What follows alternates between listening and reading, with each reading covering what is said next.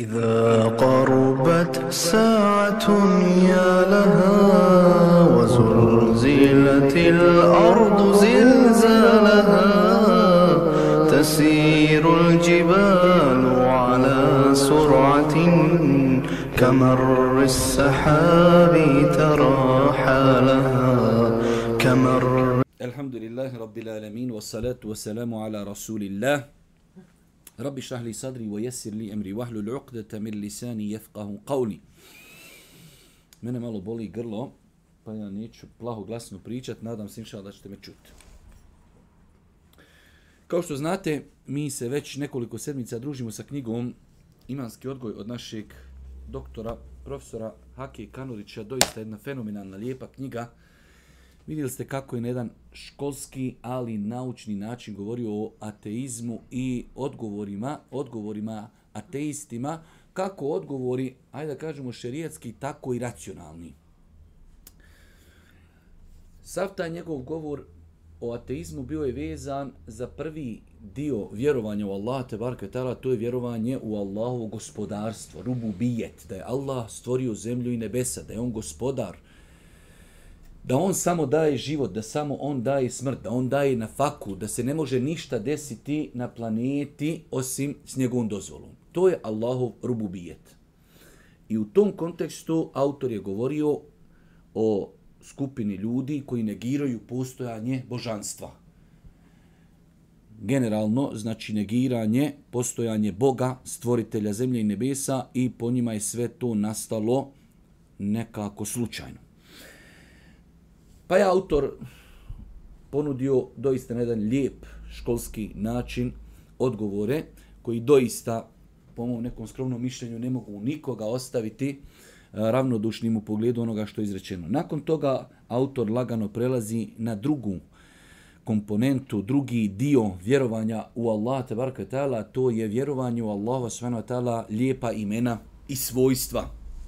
Ja sam prošli put kazao da smatram uh, da je možda u današnje vrijeme kada mi živimo, pogotovo znajući da smo mi živjeli u periodu komunizma neki 50 godina, velik broj vas to nije ni zapamtio, vidim dosta ovdje omladine, ali znači ta generacija od nekih 50 godina pa do, do, do 90 to je generacija koju je komunizam znači u, u centrifugi i zapro, a cilj komunizma je bio znači nešto slično ateizmu. Jednostavno, da se klica imana ubije u ljudskom srcu.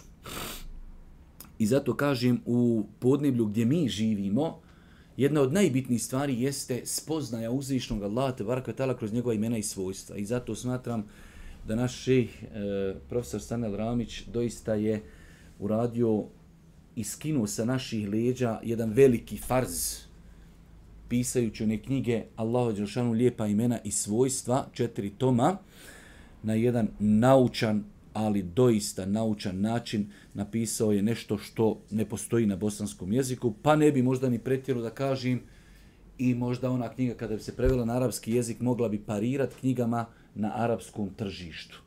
Znači jedna doista kvalitetna knjiga uh, koja govori o Allahu Tebarek ve Ta'ala, uh, E, pa ćemo spomenuti prije nego što počnemo govoriti šta znači vjerovanje u Allahova lijepa imena i svojstva na 70. stranci, određene koristi koje proizilaze iz svatanja Allahovi lijepi imena i svojstava. Prva stvar, bitnost nekog znanja se ogleda u bitnosti onome što to znanje tretira. Šta to znači? Pa kada tretirate govor o Allahu te baraka tala, to je definitivno najbolje znanje. Zašto? Zato što je Allah Đeršan gospodar zemlje i nebesa, stvorite ljudi i govoriti o Allahu je najbolje i najveličanstvenije znanje koje postoji na planeti. Nije isto govoriti o Allahu i govoriti o informatici ili govoriti o botanici ili govoriti o poljoprivredi, ili govoriti o matematici. Pa znači vrijednost nekog znanja se ogleda u vrijednosti onoga o čemu pričaš.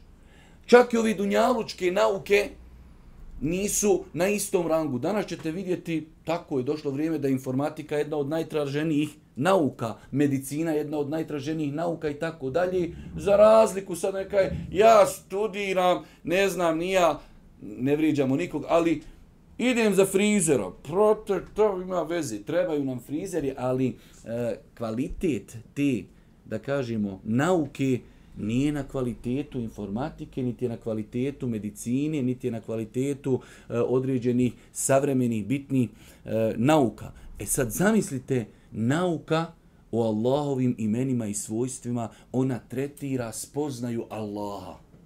Nima dalje.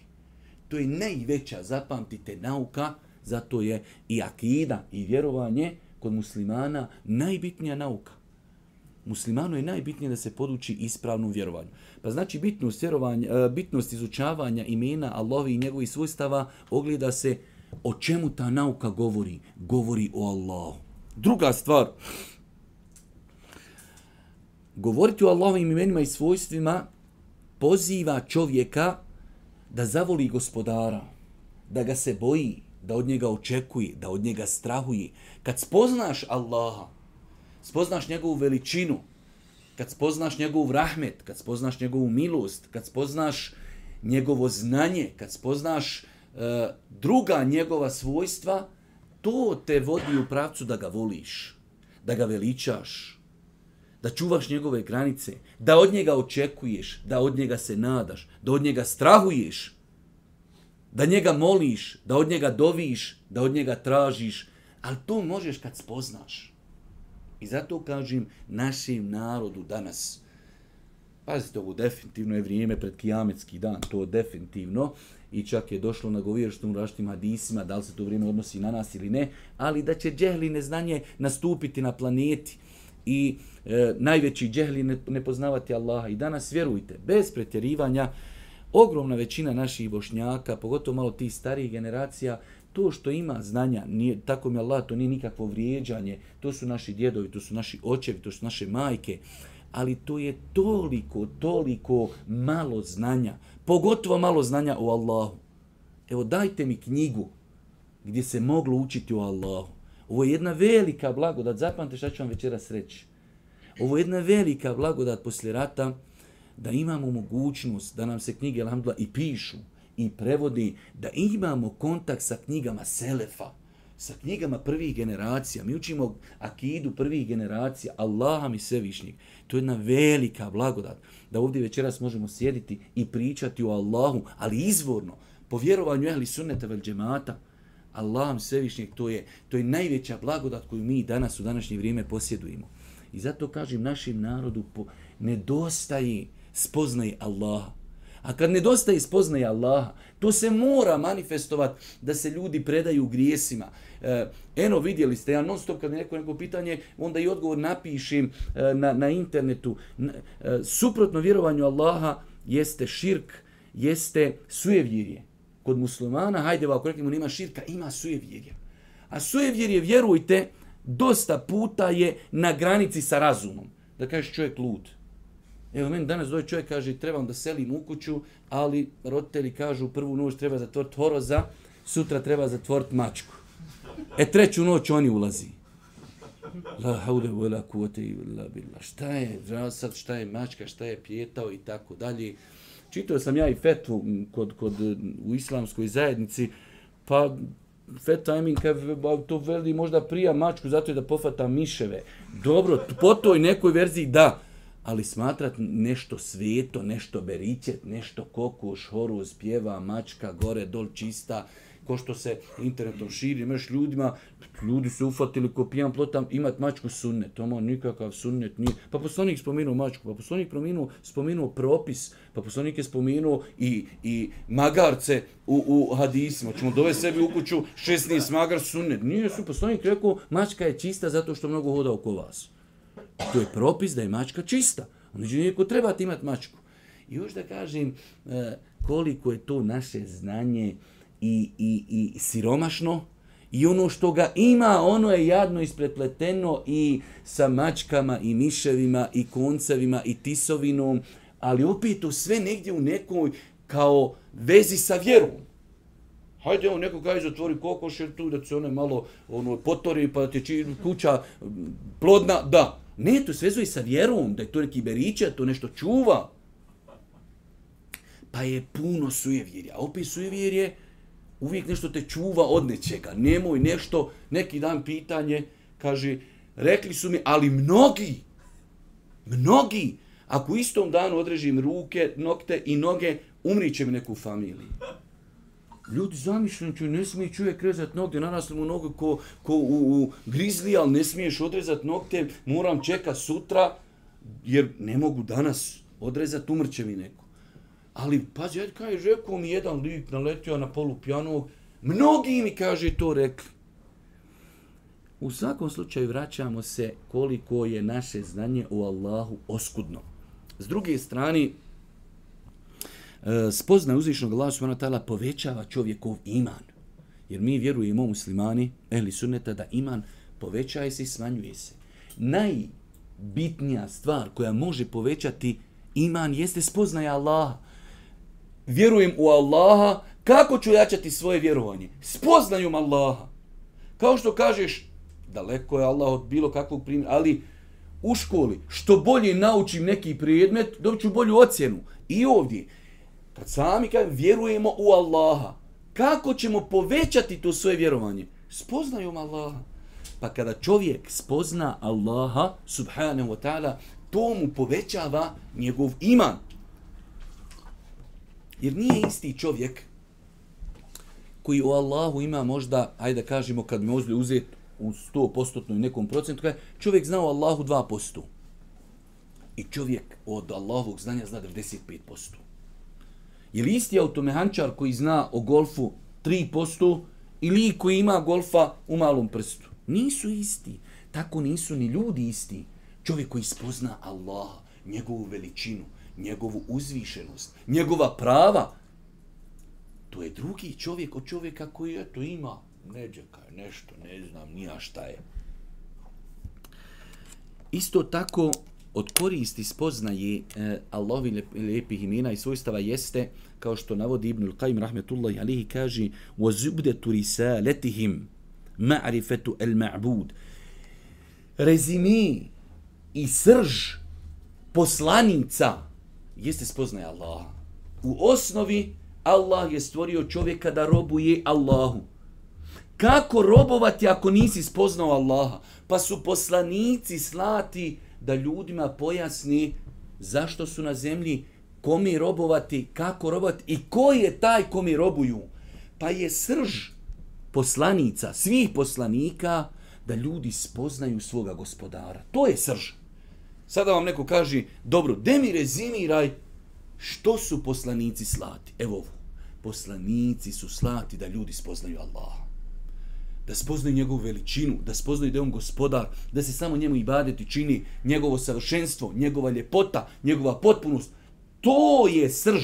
Ovo što mi živimo, halal, haram, to su šerijati, to su vjerozakoni po kojima ljudi živi da bi se ispitalo kako će se ko postupati. Ali srž slanja poslanika jeste spoznaja Allaha te barak teala. Isto tako,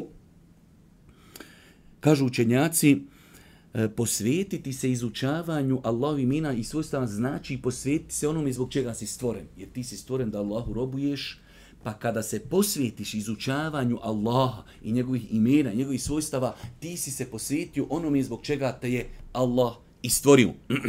Isto tako, spoznaje Allahovi lijepi imena i svojstava čovjeka poziva i biva razlogom da čovjek, ovo je malo teško na bosanskom kazati, ali ću pokušati to da kažem, da se na njemu vide tragovi vjerovanju Allahova lijepa imena i svojstva. Čak su, e, znači, islamski učenjaci, vidite, kad Šej Sanel, kad govori o Allahovim lijepim imenima i svojstvima, svako ime kada tretira nakon toga plodovi i gdje se u našem svakodnevnom životu manifestuje vjerovanje u to Allaho te baraka tala ime. Pa jedna od stvari koja je nama propisana i naređena, ovo moramo samo ispravno shvatiti, da pokušavamo u granicama ljudskog domena da ta imena mi pretočimo u svoj život. Ako kaže se da je Allah, Allah milostiv, i nama je naređeno zato što je Allah milostiv i da se i mi natječemo da budemo milostivi. Ako je Allah blag, el halim, onda je i nama naređeno u granicama našoj mogućnosti da budemo blagi. Ovo sve se može samo kad? Kad spoznaš Allaha, spoznaš njegova imena i svojstva. Isto tako, da se čovjek odadi od širka, može onda kada spozna Allaha, kada spozna njegovu veličinu, kada spozna njegova prava, kada spozna njegova svojstva, kada spozna njegova imena, tek tada čovjek može se odaliti od širka. Zato ćete vidjeti da danas velik broj ljudi čini širk u neznanju. Jer ne znaju Allaha te barkveta, nisu spoznali njegova imena, nisu spoznali njegova svojstva. Kroz različite, znači, uh, E, da kažemo, e, različito se to manifestuje širk u rububijetu, širk u luhijetu, širk u Allahim lijepim imenima i svojstvima, ali danas, čak vjerujte, bez pretjerivanja, velik broj ljudi koji se deklaču kao muslimani, u neznanju danas, neću da reknem procentualno da se ne bi ko možda naljutio, ali velik broj ljudi danas, a plod je ona prva tačka, ne poznaju Allaha, pa ljudi padnu u dijela širka jer ne poznaju Allaha te barkatala. Pa je spoznaje njegovih imena i svojstava brana, štiti čovjeka od širka. Isto tako, e, spoznaja Allahovi lijepi imena i svojstava biva razumom da čovjek sutra kada ga zadesi mu sibeti, ne da će. Spoznao si ti Allaha, spoznao si da je on mudar, spoznao si to što je tebe zadesilo, ima tu svoju mudrost. Asan takra ušinu ovom hajru lekom. Možda nešto mrzite, a u osnovi to bude za vas hajr. Pa kad a, insan spozna Allaha, zato ćete vidjeti ljude, ja vidim, ja sam na društvenim mrežama puno aktivan, čovjek odeš mu na profil, brate, pivan, narokiran, nadrogiran, na... šta se ovo dešava u Palestini? Ti još nisi riješio sasvom, ne mreš pive ostaviti, natetoviran kod daždenjak, razumiješ, tamo, niđe slike, nema slike da je nako džami usliko, ne da je on u džami, nema slike džamije nikako ali njemu je kao, njemu je sve riješeno, osim šta je ovo u Palestini? Zato što nije spoznao gospodara. Zato što on ne zna ko je njegov gospodar. Takva pitanja se ne postavljaju Allah. Što nešto? Jer je Allah gospodar. Jer je on stvoritelj. Jer je on mudri. Jer je on jaki. Allah će što može uništiti svu zemlju sa jednom riječu, budi ono, budi. Savršeno. Jel to čovjek sumnja u to? Ako to se već nešto dešava, mora iza toga biti neka mudrost. Da li je mi dokućimo ili ne, to je nešto drugo. Pa spoznaja Allahovih imena čovjeka jača o musibetima. Isto tako, kada čovjek spozna Allaha, ima lijepo mišljenje o njemu. Jer kao što imamo s jedne strane, trudiš se, a s druge strane desi se čovjek pogriši, uradi grijeh, Ali tada ima lijepo mišljenje u gospodaru. Oprostit će, trudio sam se, pa džaba je, okliznuo mi se. Oprostit će Allah, daće na faku Allah, daće izlaz. Znate li da jedno postoji veliko podne, jedno veliko poglavlje u islam koje se zove lijepo mišljenje o Allahu. Koje je u osnovi vađib, obaveza da čovjek ima lijepo mišljenje o Allahu. Uposi u problem, Allah će dati izlaz. Zadesila te musibet, Allah će dati izlaz. Možda se iza ovoga krije nešto što ja ne razumijem. Pa kada spoznaš Allahova lijepa imena i svojstva, ti imaš o tom gospodaru lijepo mišljenje. Jer znaš, kroz historiju, kroz šta su prolazili poslanici, šta mislite po neko, evo, našoj, našoj matematici, da ti neko ne kaže ovo je Muhammed, ali selam, najbolji Allahov rob, i da ti neko ispriča, a ja sam o tom i čitao knjige. Či znači, imate knjige koje tretiraju iskušenja koja su zadesla Muhammed, ali selam. Allah, kad to čitaš, znači stani ti mozak to je najodabrani Allahu rob, a on je na Dunjalku imao iskušenja pet ljudi, minimalno ovi naši obični, bilo im je dovoljno da crknu. Oni to sve izdru. I ima negdje da je posljednjivo, što je ovo sve na mene, čoveče? Koliko mu je djece umrlo za njegovog života? Osto jetim, ni mamu ni babu zapamtio nije. Znate li kakve uvrede, znate li kakve psovke, znate li kakve bojkote, tri godine u Meki ljudi jeli kosti. Pa hijra, pa ashabi, tvoj... šta misliš ti danas, Sumeju radi Allah, na oči Božih poslanika ubili. Amar ibn Jasir na njegove oči ubili. Pa hijra, pa bedr, pa uhud, pa hendek, pa tebuk, pa atentati. Pa to su iskušenje, jedno od njih da te sruši. Kad bi mi išli tom lokom, po, po, po, ovo je najbolji Allah, robo, treba samo da sjedi i da zikri, da šećura i da mu spadaju, što bi rekao, nijam je ti Allah iz nebesa. Ne, ali kad spoznaš Allaha, njegove zakone na Dunjalku, onda ti to, pa vidi Jusuf, ali i senatu, veselam, od kako je bio dječak do pozne starosti, protutanjalo preko njega i mahovo i grahovo. Rođa, rođena bača, braća ga bacila u bunar. Na pijacu, zamisli sebe sad na pijaci i ljudi te prodaju. Oh, ko će kup dječaka? Ti na pijaci, prodaju te. A poslanik, prodaju te. Prodaju te. Pa nakon toga potvora, pa nakon toga zatvor, a nakon toga ministar financija u državi. Ali trebalo je dutli osaburat. Trebao je Jusuf alaih selam, kad su ga bacili umar, je te ovo ja rab, ja trebam biti ministar, ja u bunaru čoveče, kako ovo, šta je ovo?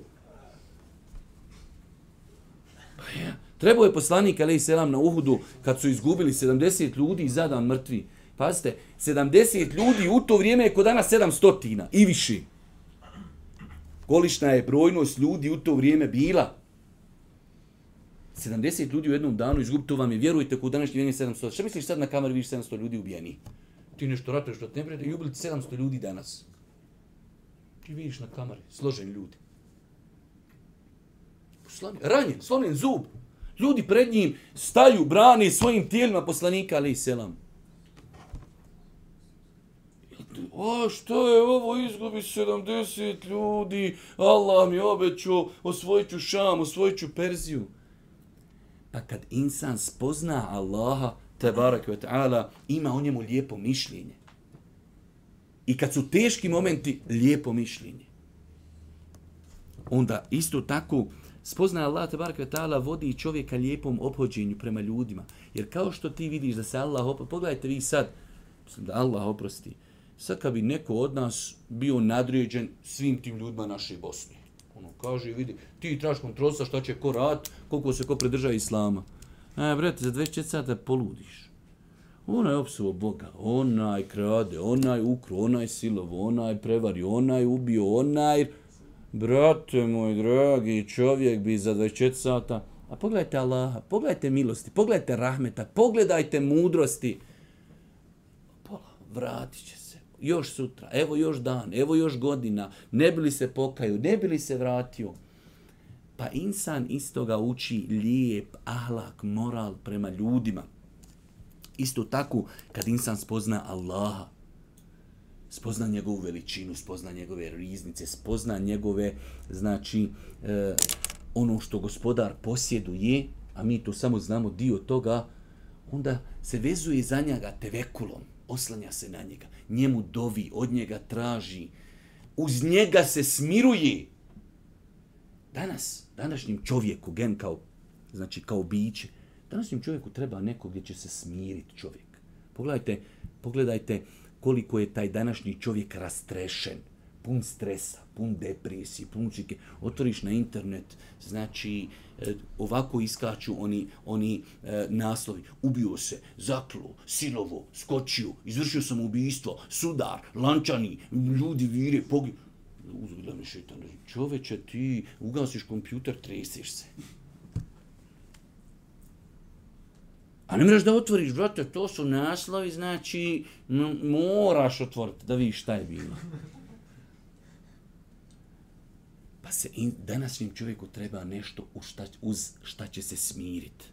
Treba mu spoznaja Allaha, njegova milost, njegova veličina, njegov rahmet. Isto tako, spoznaja Allahu imena razlogom je da čovjek uđe u džennet, jer je došlo, od iskoja ćemo večera citirati, kaže Allah ima 99 imena, men ahsaha, dehalel džennet, ko ti 99 imena nauči, ući će u džennet. Svakako riječ ahsaha koji pobroji i nauči ima više značenja, ali spoznaja tih imena biva razlogom da čovjek uđe u džennet. S druge strane, spoznaja Allahovi imena biva razlogom da Allah zavoli čovjeka.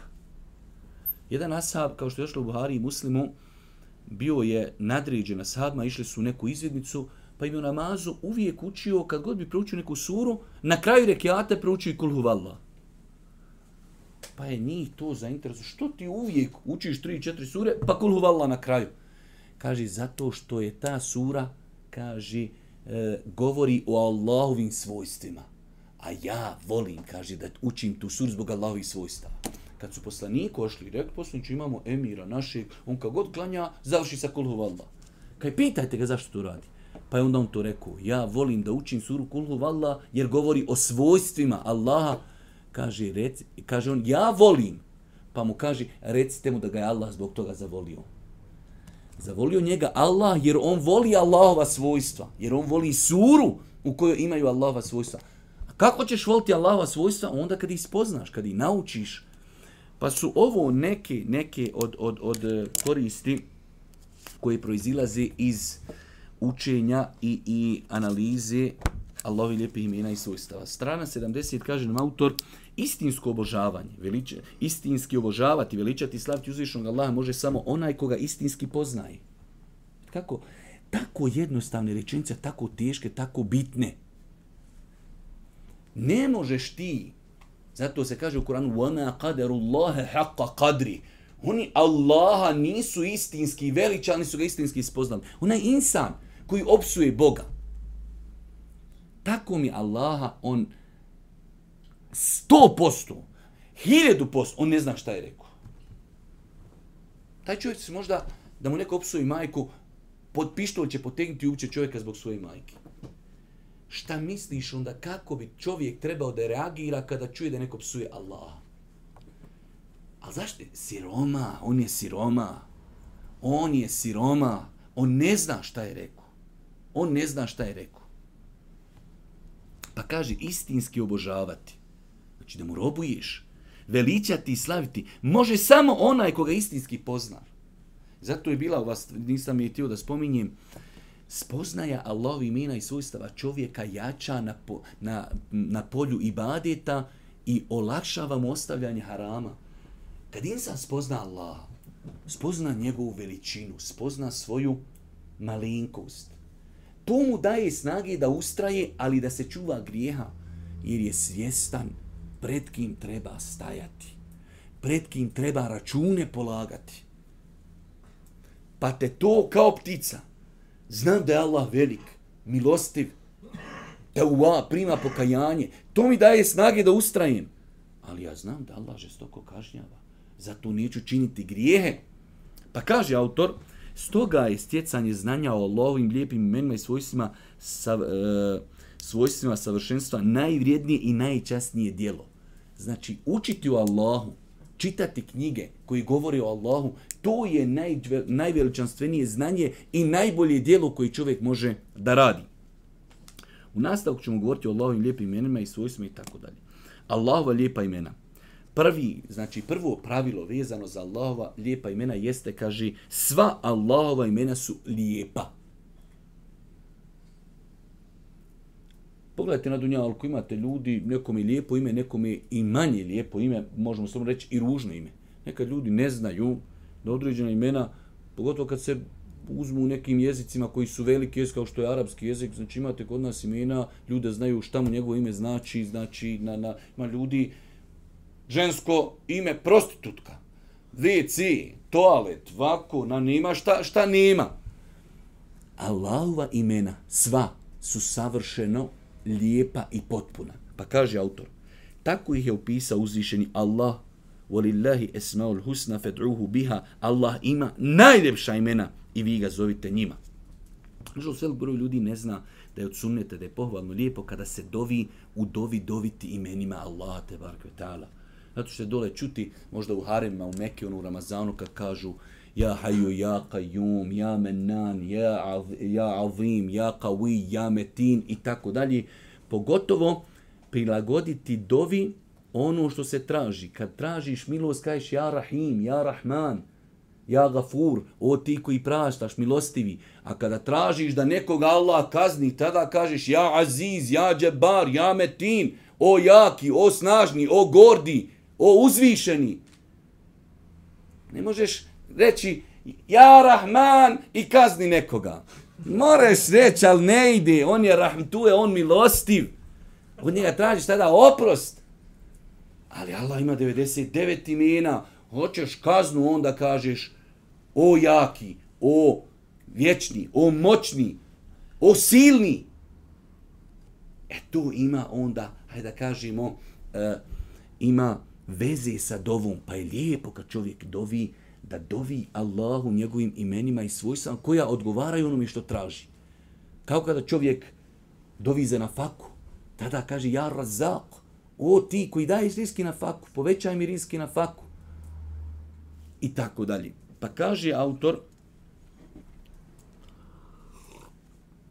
ona imena u svojoj ljepoti dosježu vrhunac jer sadrži svojstva potpunosti i savršenstva u kojima nema nikakve manjkavosti i nedostatka. Ovo je mi mnogo bitno.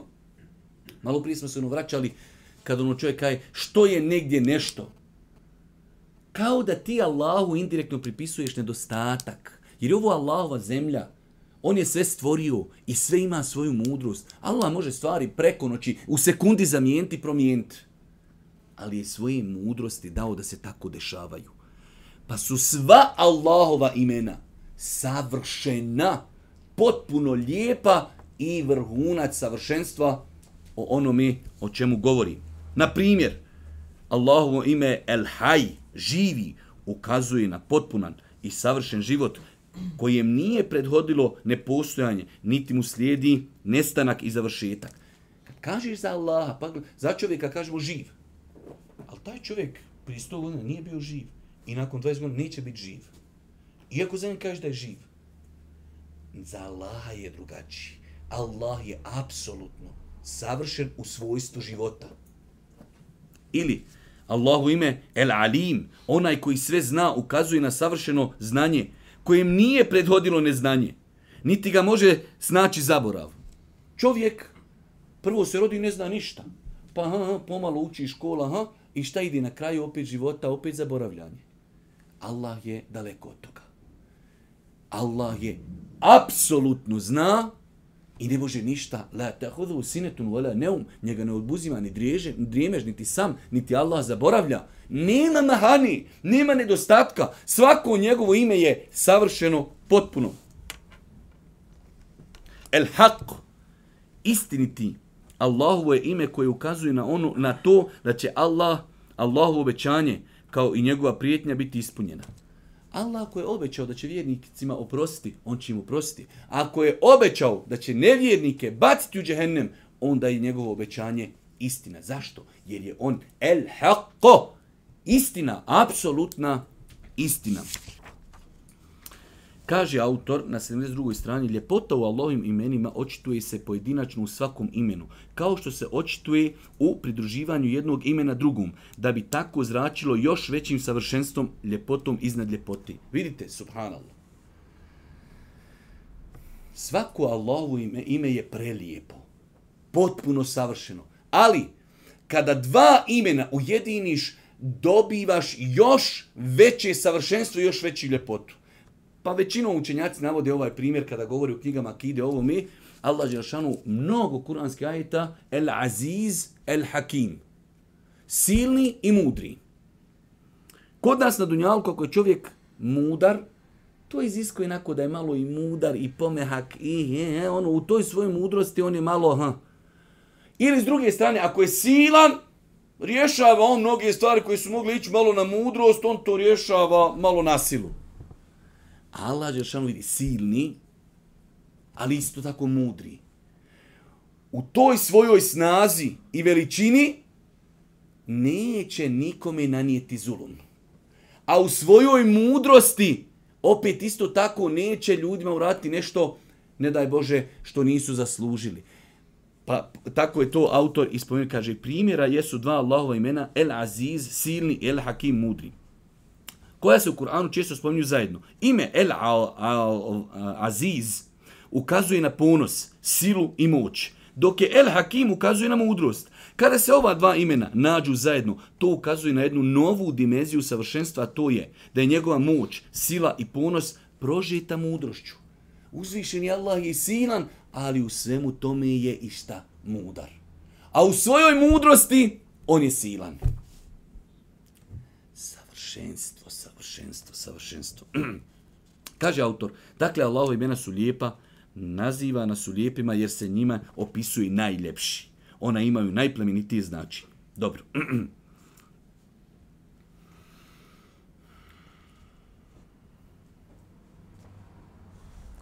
Drugo pravilo, svako Allahovo ime i njegovo vlastito ime ukazuje na njegovo svojstvo. I svakog im, pogledajte kod nas, jer moramo nekad navesti primjer da bi shvatili. Kod nas, kad kažete, bujno, bujno, samo učite, mi smo ured završili, ali nema vezi. Na dunjalku čovjek može biti rahim. Rahim. Rahim znači milostiv. A rahim lik, znači lakše ti je, lakše ti je pomake Tigman dole do Treskavice, nego od njeg Marku dobiti. Ali ime mu Rahim. Kao laf, milostiv. Ali, znači, zloban, ne mere dalje. Ovo vam navodim samo kao primjer kako na Dunjaluku čovjek ili Džemil. Džemil je nešto lijepo. Čovjek u ime Džemil, a lik, takav je, kakav je. Ili mnogo drugi, znači, šta želimo da kažemo, uh, to što je nekome određeno ime u nekom značenju ne znači da on to pri sebi ima, za razliku od Allaha. Kada Allah ima ime, iz tog imena apsolutno proizilazi svojstvo. Apsolutno. Pa kada kaže se za Allaha da je milostiv, onda znači iz toga proizilazi iz imena milostivi da je jedno od njegovih svojstava i milost. Da je milostiv prema svojim robovima. I tako za sva Allahova imena. Svako ime ukazuje na svojstvo. Iz tog imena proizilazi to svojstvo. Za razliku od nas ljudi. Za razliku od nas ljudi. Allahova i, e, lijepa imena su vlastita imena Svevišnjeg Allaha i sva se odnose na njegovo biće i njegov vrat. Či znači, sva imena, bez obzira što ima e, puno, hajde da kažemo tako, jer će poslije autor govoriti o broju Allahovi Đelšanu imena, Sva ta imena odnose se na jednu stvar, a to je uzvišeni Allah i njegovo biće. I svako ime, i svakog imena proizilazi svojstvo, a vidjet ćemo sljedeći ders, i svakog svojstva ne proizilazi ime. Ovo je jedno veliko pravilo u akidi, i svakog imena proizilazi svojstvo, i svakog svojstva ne proizilazi ime. Jer ćemo vidjeti poslije svojstva, Allah dolazi. To je njegovo svojstvo, ali to nije njegovo ime. Pa kaži, Tako, na primjer, Allahu ime El Hay, živi, El Qadir, svemoćni, El Alim, sveznajući, Ar Rahim i tako dalje. Dakle, svako Allahu ime ukazuje na neko njegovo svojstvo, a neka imena ukazuju na više Allahovi atributa. U redu. S druge strane, imena uzvišnog Allaha ne izvode se iz svakog njegovog svojstva. To smo rekli.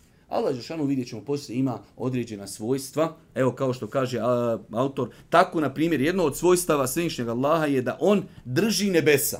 Jer Allah Žešanu kaže on drži ono što je na nebu da ne bi palo na zemlju. Osim ako on to dopusti. Ali ne kažemo da je jedno od Allahu imena onaj koji drži. Znači njegovo je svojstvo da održava nebesa i zemlju, ali to nije njegovo ime. Pa iz imena proizilazi svojstva i svojstava ne proizilazi a, da kažemo svaki put svojstva. E, kaže, znanje o Allahovim imenima. Ovdje ćemo se, inša Allah, malo najvratnije i zaustaviti na ova dva poglavlja. Allahova lijepa imena uzimaju se isključivo iz Allahovog govora, časnog Kur'ana i rodostojnog sunneta. To znači da se Allahova imena mogu znati i dokušti samo putem objave dok za racionalno zaključivanje ovdje nima prostora. Sad jedno novo pravilo, to se zove u arapskom etteukif. Ne možeš ti nakon sjeti nešto i kažeš Allahu ime je tako. Ne. Da bi za Allahu ime, nakon što smo postavili ova dva velika pravila, da su sva njegova imena potpuna i savršena, da su lijepa, da iz svakog imena proizilazi svojstvo i svakog svojstva ne proizilazi ime. Treća stvar jeste da Allahova imena možemo znati samo putem objavi. Ili da je poslanik spomenuo u nekim svojim hadisima Allahovo ime u dovama, u govoru i tako dalje. Ili da je Allah Đelešanu sebe opisao u Kur'anu nekim imenom. To su dva jedina načina kako možemo kako možemo spoznati Allahova imena subhanahu wa ta'ala i svojstva. da ovdje, zato kaže ovdje autor prema tome, Allaha nije dozvoljeno nazvati imenima kojima on sebe nije nazvao kao što ga neki nazivaju otac, pra uzrok, aktivni uzrok i tako dalje. Znači, sve ono što Allah o sebi nije rekao, smatra se govor o Allahu bez znanja. A govor o Allahu bez znanja je jedan od najvećih grija. Pa znači, kad hoćete govoriti o Allahu, njegovim imenima i svojstvima, samo na osnovu znanja. Četvrta stvar, broj Allahovih imena. Vidjeli smo malo prije onaj hadis i velik broj ljudi, a ako imate ljudi uh, ne znaju ništa o Allahu, ali imate ljudi koji nešto malo znaju o Allahu, e ti koji malo nešto znaju, kad bi upitali koliko Allah imina, reći 99. I to je možda u umetu najrasprostranjenije mišljenje da Allah ima 99 imena. Shodno onom hadisu u kojem stoji kaže Allah ima 99 imena. Ko ih nauči, ovdje je došao termin ahsaha, koji ih nauči, koji ih spozna i poslije će autor spomenuti sve šta obuhvata ova riječ ahsaha, ući će u džennet. Ali, oni koji vrsno poznaju arapski jezik znaju da ovaj hadis nije ograničio Allahova imena. Zamislite sad kad čovjek bi došao u novčaniku ima hiljadu maraka. Ali kaže, imam sto maraka koji sam odvojio za sadaku. Da li on na taj način negira da ima još para? Čovjek ima hiljadu maraka, ali pokaže tebi, ja imam sto maraka koji sam odredio za sadaku. To uopšte ne znači da ima još ili nema još. On tebi kaže imam sto koji su za sadaku. A imam možda još. E tako i u ovom hadisu ima Allah te bar 99 svojih imena koji ih nauči, bude po njima živio, koji bude spoznao, ući će u džennet. Ali ima uzvišen Allah i mimo toga imena. Ali među tim imenima je 99 koja imaju tu posebnost. Ne znam jeste li me mogli pratiti. Znači, hadis ne ograničava, nije rečeno Allah ima samo 99. Ne, Allah ima 99, a nagrada spoznaje tih 99 imena jeste da će čovjek ući u džennet. Nigdje, čak šta više, sad ćemo vidjeti ovaj hadis u kojem Boži poslanik Ali Sad sam kaže ili si to ime ostavio kod sebe i nisi ga nikome objavio što jasno potvrđuje da Allah te barko tala ima imena koja ne zna niko. Čak imate onaj, znate, hadis, kada Allah poslanik bude na sudnjem danu, pa kada budu pitali ko će se zauzimat za umet, pa odu od Adema, pa odu do svih poslanika, dođu do poslanika Muhameda, pa on odi, pa padni pred Allah te barko tala, kaže, pa će mi Allah otvoriti spoznaju neki, znači, eh, hvali koji nisam prija nikad znao. Ali u svakom slučaju, znači, evo šta nam kaže autor. Allahove imena nisu ograničene određenim brojem.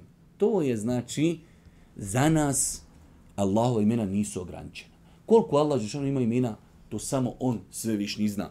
Prva rečenica je najbitnija. Allahove imena nisu ograničena određenim imenom. Niko ih ne može pobrojati, a njihov broj poznat je samo uzvišnom Allahu. Na to ukazuju riječi Allahu poslanika u dovi, čije je učen preporučio svojima sahabima kada ih snađe briga i tuga. Ja sam noćas maksus preporučio u dovu, vidjet ćete zbog čega. U ovoj dovi kaži, Allahu, ja sam doista tvoj rob, sin roba tvoga, sin robinje tvoji. Ti sa mnom upravljaš, na meni se sprovodi tvoja odredba, tvoja presuda prema meni je pravedna. Prizivam te svim tvojim imenima kojima si sebe nazvao ili koja si u svojoj knjizi objavio, ili si ih nekom od svojih stvorenja saopćio, ili ih pak zadržao kod sebe kao znanje nedokučivo. Znači, prizivam ja tebe svim tim imenima, pa navodi Boži poslanik imena, ili si nekoga podučio, ili si nekome objavio, ili si ostavio kod sebe. Da to niko od tvojih stvorenja ne zna. Prizivam te da Kur'an učiniš prolećem srca moga, svjetlom grudi moji, razbistrenjem tuge moje i odlaskom briga mojih. Ovo je jedan veličanstven hadis. Zato je došlo, na, autor uh, je preskočio početak i kraj. On je svakako, on govori o akidi, a mi govorimo o akidi, govorimo o svašta drugu. Došlo je na početku hadisa, kaže, Ma kale abdun qatun iza asabehu hemmun au huznun. Neće se nikada desiti kada neko groba, nikada, kat, u arapskom kat, nikad, da nekoga Allahovog groba zadesi briga ili tuga. Najveći belaj koji čovjeka mogu na dunjalku zasi su ove dvije stvari. Ili si u brigama ili si u tuzi. Kad nemaš briga i nemaš tuge, ravno ti domora. I blago onom je ko nema brige i tuge. Pa Boži poslani kaže, nikada se neće desiti čovjeku da ga zadesi briga ili tuga. Što je širok pojam, briga. Od djeteta, od posla, od nafake, od zdravlja, od neprijatelja, od po... O, o, o, briga ili tuga. Tuguješ za nečim. Pa čovjek spomeni ovu dovu, a ja ću je poslije pročitati na arapskom, evo ide ta dova, Allahu, ja sam doista tvoj rob, sin roba tvoga, sin robinje tvoji, ti sa mnom upravljaš, na meni se sprovodi tvoja odredba, tvoja presuda prema meni je pravedna. Vidite, ovo je početak dove gdje, to je inače pohvalno, na početku dobi hvaliti Allaha, ovo je sve pohvala Allahu. Tvoja presuda prema meni je pravedna, prizivam te svim tvojim imenima. Vidite, jer smo rekli malo prije da je pohvalno i lijepo Allaha dozivati njegovim imenima, prizivam te svim tvojim imenima koja si sebe nazvao ili koje si u svojoj knjizi objavio ili si ih nekom od svojih stvorenja saopćio ili ih pak zadržao kod sebe kao znanje nedokućivo. Prizivam te da Kur'an je sad zadesla me briga i tuga, ja te gospodaru molim, šta te molim? Da učiniš Kur'an, proljem će srca moga, svjetlom grudi moji, razbistrenje moje tuge i odnosku moje brige. E, nastavak je Adisa, kaže Allah u poslanji, ko prouči tu dovu, a zadesilo ga je, a kaže nikada se neće, a da mu Allah neće njegovu brigu sklonuti i njegovu tugu zamijeniti sa radošću. Pa kažu sahabi, hadis je inače zabilježilo ga je dosta, što bi rekao, sakupljača hadijski zbirki i hadis je vjerodostan, kao što podruješ i Albani, kažu sahabi, poslaniće, pa mi bi trebalo to da naučimo. Kaže Allah poslanik, nedoliči i, i, i pokuđeno je da neko čuje ovu dovu, a da je ne nauči. Zbog njene vrijednosti i bitnosti, gospodar učini Kur'an proljećem srca moga. U brigama, u tuzi ti moliš da ti Allah da u kur, da Kur'an bude proljeće. Znate šta je, vidjeli ste kako kod nas to najbolje, to Arapi i mogu usvatiti, ali mi mnogo bolji. Zima, zima, snijeg, sve mrtvo, zima, sve umrtvilo. I šta dolazi proljeće? Sve oživljava sve zeleno, cvijeće, e, trave, zeleno, pčele, znači sve oživjelo. E da Kur'an oživi to tvoje srce koje je u brigama i koje je u tugama, kaže vanura sadri. Znači ti si u Belajme, moliš Allah da ti podari da Kur'an oživi tvoje srce. Da učini da Kur'an bude znači sjaj, nur tvojih prsa i da ukloni tvoju tugu i da odagna tvoje brige. Kaže, kada god to rob uradi, Allah će odagnat njegove brige i njegove tuge zamijeniti ferahan. Zamijenit će sreću.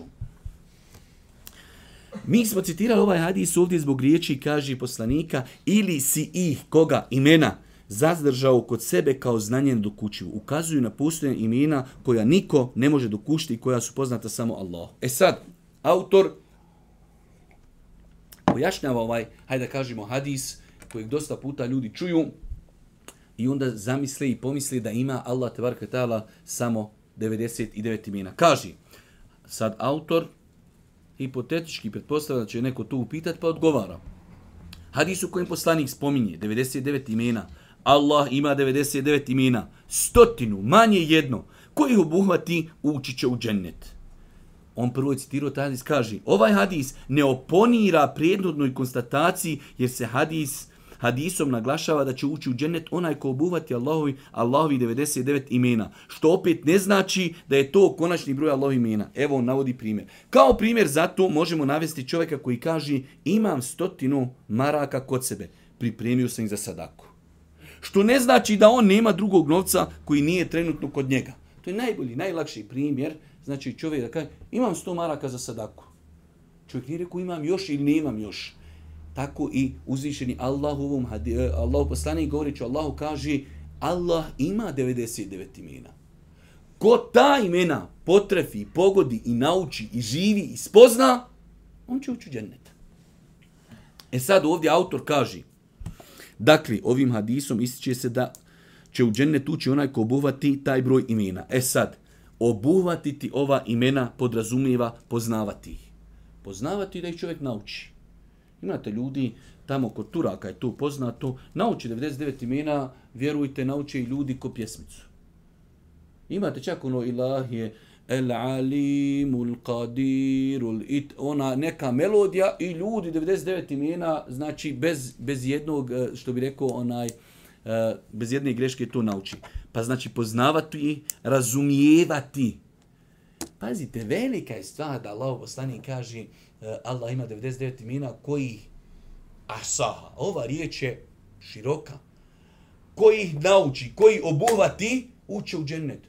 Mislite, nako sjedniš 99 imena, naučiš na pamet i uči zbog toga uče. Boga mi prelahko to bilo. Ja mislim kad bi to bilo tako, sjednimo jednu noć, hajmo ljudima pa da nauči 99 imena, Allah, ekber, to ne moramo nauči 99 imena i u džennet. Nije. Mora to biti nešto, da kažemo, teži, komplikovaniji. Pa kažu učenjaci, treba i poznavati, razumijevati, vjerovati. Znači ja znam, razumijem, ali i vjerujem u sve to, postupati prema njihovom značenju i moliti Allaha tim imenima. Sve to je obuhvateno u ovaj, ovaj hadis, ali nije nemoguće. Ali nije, nije nemoguće. Uh, Znači, da se čovjek potrudi, da nauči 99 imena Allah, tebarka ta'ala, da razumije, da zna, da vjeruje, da se ponaša po njima i da dovi Allahu, tebarka ta'ala, sva ovih pet značenja, inša Allah, mogu se obuhvatiti. I posljednja stvar, time ćemo inša Allah završiti čerašnji predan, pa ćemo sljedeće sedmice početi sa svojstvima. Jer znači, Allaho imena i Allaho svojstva su dva zasebna poglavlja koja se razlikuju. Pa smo mnoće govorili o Allahovim imenima, a sljedeći četvrtak, kako Bog da govorimo o Allahovim svojstvima. Posljednje pravilo koje je spomenuo, odnosno e, nešto što moramo znati o Allahovim imenima, jeste poricanje i krivo tumačenje Allahovih imena ilhad. Kaži, uzvišeni Allah kaži, Allah ima najljepša imena i vi ga zovite njima. A klonite se oni koji iskreću imena njegova. Klonite, bježite od njih. Uezeru ljedine, uezeru, bježi od onih koji iskrivljuju, pazi, dok je insan to bajarem, u svom džehlu i svom neznanju se pokvario, da Allahova imena iskrivljuje. Ima li svetosti nakon te svetosti? Da dođeš na level da nemaš svetosti ni prema gospodarovim imenima. Pa kaže, a oni koji, eh, a klonite se oni koji eh, iskreću njegove imena, kako budu radili, onako će biti kažnjeni. E, kaže sad autor, šta znači iskrivljivati Allahova imena? Iskrivljivanje i krivo tumačenje Allahova imena manifestira se na više načina. Poricanje svih ili nekih Allahova imena koja su potvrđena jasnim argumentima. Znači, ako se dokaži, pokaži. Jer imate, pazite, oko određenih imena razilaženje. Da li je nešto ime ili nije. Ali imate imena koja su, koja su što kažu Arapi, mutefekun ali, koja su potvrđena po konsenzusu, čovjek znači ne smije negirati jedno ili više Allahovih te barake wa ta'ala imena. To potpada pod krivo tumačenje Allahovih imena. Drugo, poricanje svojstava na koja ta imena ukazuju. Jer vjerovati u Allahova imena podrazumije vjerovati u njihova značenja. Toga čak imamo u umetu muslimanskom da ljudi Allaha opisuju njegovim imenima, ali ne vjeruju u svojstva koja proizilaze iz imena. A mi smo rekli veliko pravilo, Allahovo ime obavezno iz imena proizilazi svojstvo, dok iz svojstava proizilaze imena, ali nije uvijek obavezujući. Treća stvar, poisto većivanje Allahovi imena njegovih značina sa svojstvima stvorenja, jer to je suprotno kuranskom tekstu. Lejse ke mithlihi šej, wa huwa semi'u el basir, da čovjek poistovijeti Allaha i njegove imena sa ljudima. Vidjet ćemo poslije će najvjerojatnije o tom je autor govoriti. E, kroz umet je se javio jedan veliki problem, a to je da su ljudi bojeći se ovoga bježali od bilo kakvi, ajde da kažemo, povezivanja, sličnosti između Allaha, tebara kvetala, njegovih stvorenja. Ali ako Allah Đelešanu za sebe kaže da ima ruku, a ljudi imaju ruku, onda pripisivanje ruke Allahu te bar kvetela je potvrđivanje ga što ono sebi rekao. Ali ta ruka se ne smije porediti sa rukom stvoriti, stvorenja. To je kvaka. Ali vjerovati i potvrditi Allahu ono što je on sam o sebi rekao. Vjerujte da je velika hrabrost. Bez obzira ko to zastupa. Allah, kaže, Allah ima ruku. I ti kažeš, pa jest, ima ruku, ali blaj, progutaš nešto. Šta je problem ako gospodar nebesa i zemlje o sebi kaže da ima ruku? Ili da Allah Đeršanu ima oko? I tako dalje. Da Allah vidi, da Allah čuje i tako dalje. E, pa ćemo, inšala, o tome ćemo malo govoriti, ali generalno, znači, ne smije se upoređivati Allahova imena i znači njegova svojstva, kako ovdje kaže, poiste vječivanje Allahova imena i njegovih značina sa svojstvima stvorenja. Allah li se ke mitriši, ništa nije kao Allah. Ništa nije kao Allah. I predzadnja stvar ili zadnja nazivanje Allaha imenima kojima on sebe nije nazvao. Poput kršćana koji Boga nazivaju otac ili apologeta koji ga nazivaju pravuzrok jer se Allah uh, Allahova imena ekspliciraju, e, e, ekspliciraju isključivo iz Kur'ana i sunneta. Znači jedna od grešaka, o tome smo već govorili, Allahova imena uzimamo samo isključivo iz Kur'ana i sunneta. Razum tu nema nikakvog upliva. Samo Allah rekao za sebe, mi to u to vjerujemo i tako ga zovemo. Poslanik tako rekao, tako rekao mi uh, u to vjerujemo. I na kraju uh, autor to rezimira. Vjerovanje u Allahova lijepa imena Teuhid el Esma. Zahtjeva od nas da vjerujemo da je svevišnji Allah jedinstven i unikatan u svojim imenima. Da vjerujemo u svako ime e, kojim je on sebe nazvao. Prva stvar da vjerujemo da je Allah Žešanu savršen, da je potpun u svojim imenima i svojstvima. Nikakvi mahani. Mi imamo problem što smo mi krnjavi. Pa nam je teško shvatiti nešto savršeno. I zato mi onda, ko što mi, šta god napravimo nešto, ono, očekuješ neku mahanu. Pa tako i onda ljudi dođu u taj level, što se nešto desilo.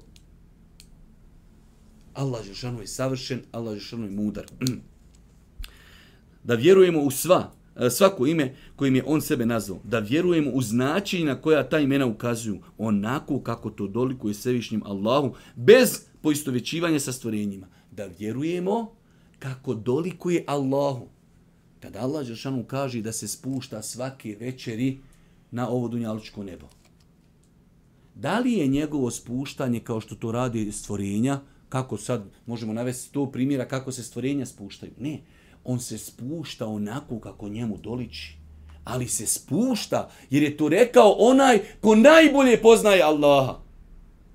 Sada, treba doći i biti hrabar i ti kažeš, poslanik alaihi salatu wasalam je time mislio spušta se Allahova naredba. A poslanik alaihi salatu wasalam najveći poznavaoc arapskog jezika da je tjeo da kaže spušta se Allahova naredba, što onda ima da rekne uzvišeni Allah se spušta svake večeri.